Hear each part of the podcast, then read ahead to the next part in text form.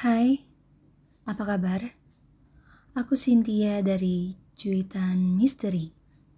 Cuitan Misteri adalah podcast yang menceritakan sebuah kisah-kisah yang tidak bisa dijelaskan secara logika, dikemas dengan penuh penghayatan dan analisis yang tajam, sehingga di saat yang bersamaan, pendengar dapat membayangkan berada di peristiwa tersebut. Seperti apakah cerita-ceritanya? Mari kita simak hanya di Cuitan Misteri.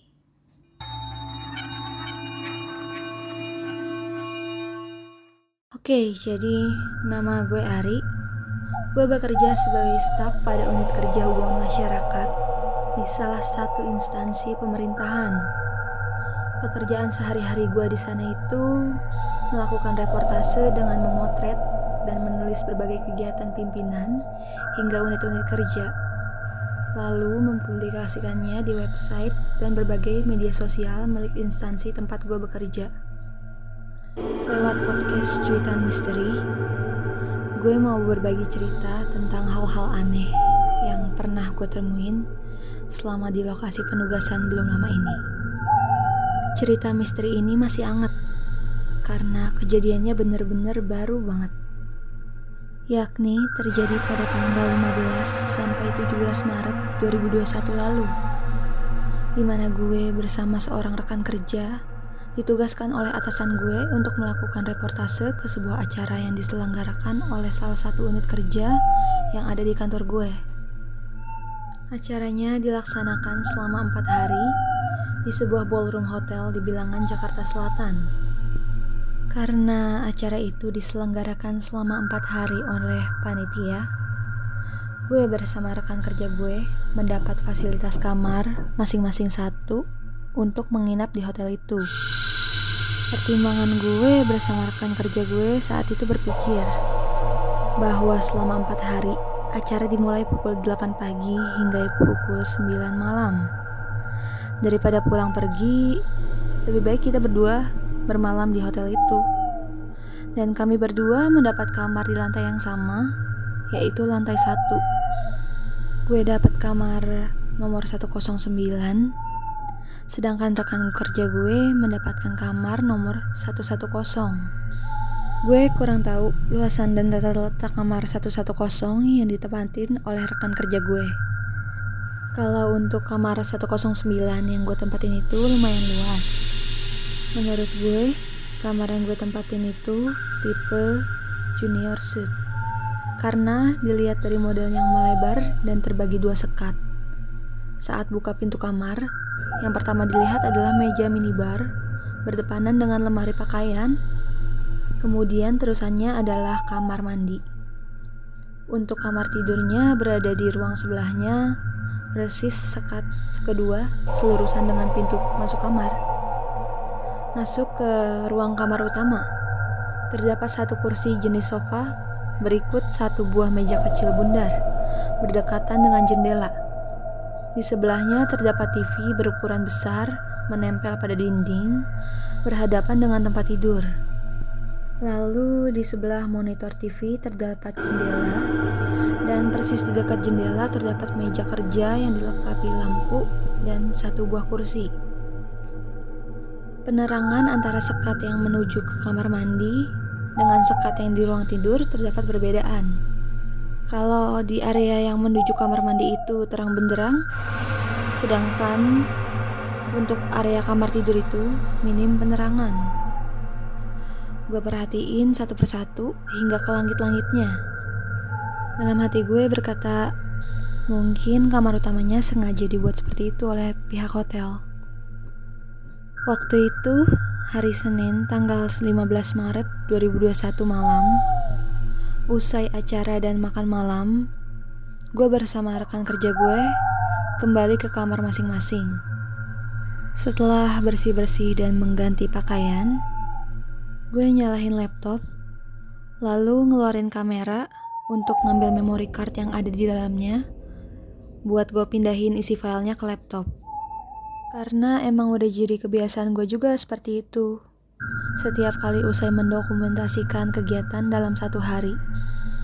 Kemudian mengedit foto-foto yang sudah dipilih untuk kebutuhan publikasi di website dan media-media sosial. Usai menyiapkan foto-foto, gue lanjut menulis artikel beritanya. Malam itu sudah larut dini hari. Sekitar jam 2an pagi, saat sedang asik menulis artikel, gue merasakan ada orang yang memperhatikan gue saat lagi menulis. Awalnya, gue berpikir itu hanya perasaan gue aja. Tapi kok rasanya seperti benar-benar ada orang yang berdiri di belakang gue. Akhirnya gue menoleh ke kanan pelan-pelan hingga ke belakang. Terhentak jantung gue. Kaget melihat ada sosok wanita yang sedang telentang di tempat tidur. Gue gak perhatikan dengan jelas wajahnya. Yang gue lihat wanita itu rambutnya agak ikal panjang sepinggang. Menggunakan baju seperti daster berwarna putih, namun agak kusam. Panjangnya selutut. Kakinya terlihat jelas, warna putih pucat seperti mayat. Pada bagian betisnya sedikit terlihat urat-uratnya.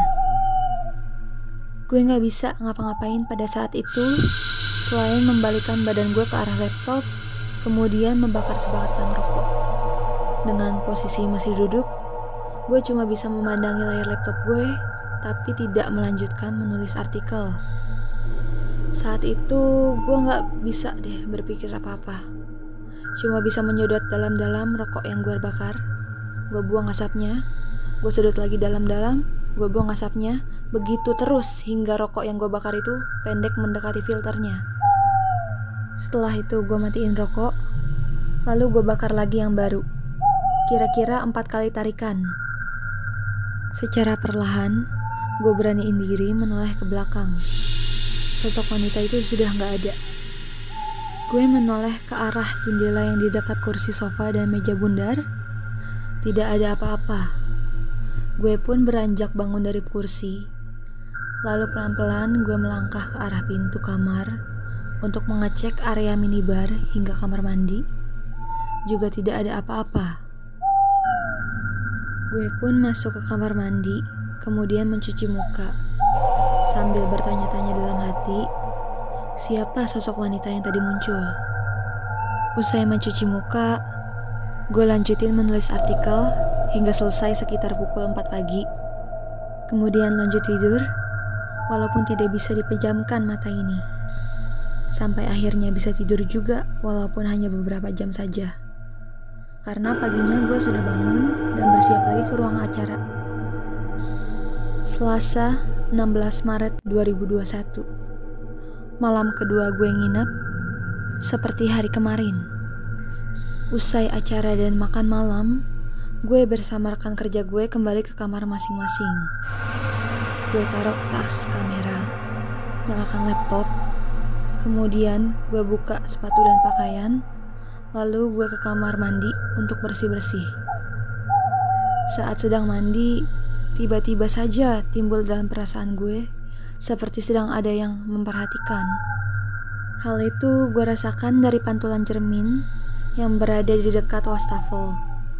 Posisi sosok yang memperhatikan gue itu berada di pojokan dekat pintu kamar mandi.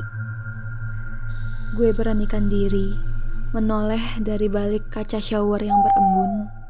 Samar-samar terlihat seperti sosok wanita yang gue lihat kemarin malam sedang berdiri di pojokan. Langsung gue matikan shower, lalu ambil handuk, buru-buru gue keluar dari kamar mandi tanpa menoleh ke kanan maupun kiri. Usai berpakaian, gue terus menonton TV sambil rebahan di tempat tidur. Tanpa memikirkan apa yang barusan gue lihat di kamar mandi, Gue cari channel dengan harapan ada film bagus yang bikin gue tidak memikirkan apa yang gue lihat tadi. Tapi lagi-lagi gue gak bisa tidur malam itu hingga menjelang subuh. Gue baru bisa tidur setelah subuh, walaupun hanya satu jam setengah saja. Rabu, 17 Maret 2021. Malam ketiga gue, malam itu berbeda dengan dua malam sebelumnya. Temperatur AC udah gue maksimalin ke angka 16 derajat. Tapi hawanya gerah banget di kamar. Akhirnya gue putusin membuka jendela yang berada di samping meja kerja. Setelah malam ketiga, baru tahu gue kalau kamar yang gue tempatin itu memiliki pemandangan yang gak enak. Terdapat tiga pohon besar dan gelap banget. Sama sekali gak ada penerangan di luar sana. Kejadian serupa terjadi lagi di kamar gue nginep. Kira-kira jam 11 malam, saat gue sedang menulis artikel berita, sosok wanita itu muncul lagi. Sebentar bahan di tempat tidur, sebentar berpindah tempat, berdiri di dekat jendela yang ada kursi sofa dan meja bundar, kemudian menghilang. Tapi di area minibar terdengar sendok jatuh. Kedengarannya cukup keras seperti dibuang. Lalu suara shower menyala. Begitu juga dengan keran wastafel. Gue saat itu masih duduk di kursi dekat meja kerja. Gue cuma bisa mendengarkan saja hal-hal aneh itu. Mau beranjak dan melihat, yang gue rasakan tidak bisa bangun dari kursi, dan kaki gue juga rasanya berat untuk digerakkan. Ada sekitar 15 menit hal itu terjadi. Hingga akhirnya suara-suara itu hilang dengan sendirinya. Dan gue tiba-tiba saja bisa terbangun dari kursi. Gue pun langsung menuju ke arah kamar mandi. Pas gue ngeliat ke arah lantai, sama sekali gak ada bekas air. Begitu juga dengan wastafel. Semuanya kering aja. Tidak terlihat ada bekas pemakaian air. Dengan sedikit keberanian campur rasa takut juga, gue usahakan buat gak berpikir tentang apa pun. Sampai akhirnya, dalam keadaan setengah sadar, antara tidur dan tidak, gue seperti diberitahukan terlintas dalam bayangan pikiran gue seperti pernah terjadi sesuatu di kamar 109 ini yang melibatkan sosok wanita yang gue temuin selama tiga malam terakhir ini. Tapi entah apa ya kejadiannya.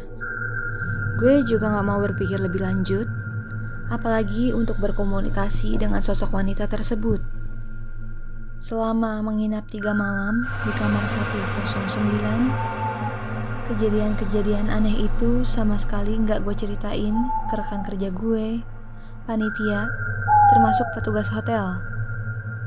Lusanya di kantor, hal itu baru gue ceritakan ke rekan kerja gue. Menurutnya, kalau mendengar cerita gue itu, sepertinya pernah terjadi pembunuhan di kamar 109 yang gue tempatin itu. Tapi feeling gue sumbernya ada di tiga pohon besar itu yang ada di luar kamar. Tapi entahlah, gue cuma bisa berkata dalam hati, hal-hal kayak gitu masing-masing aja asal nggak saling mengganggu.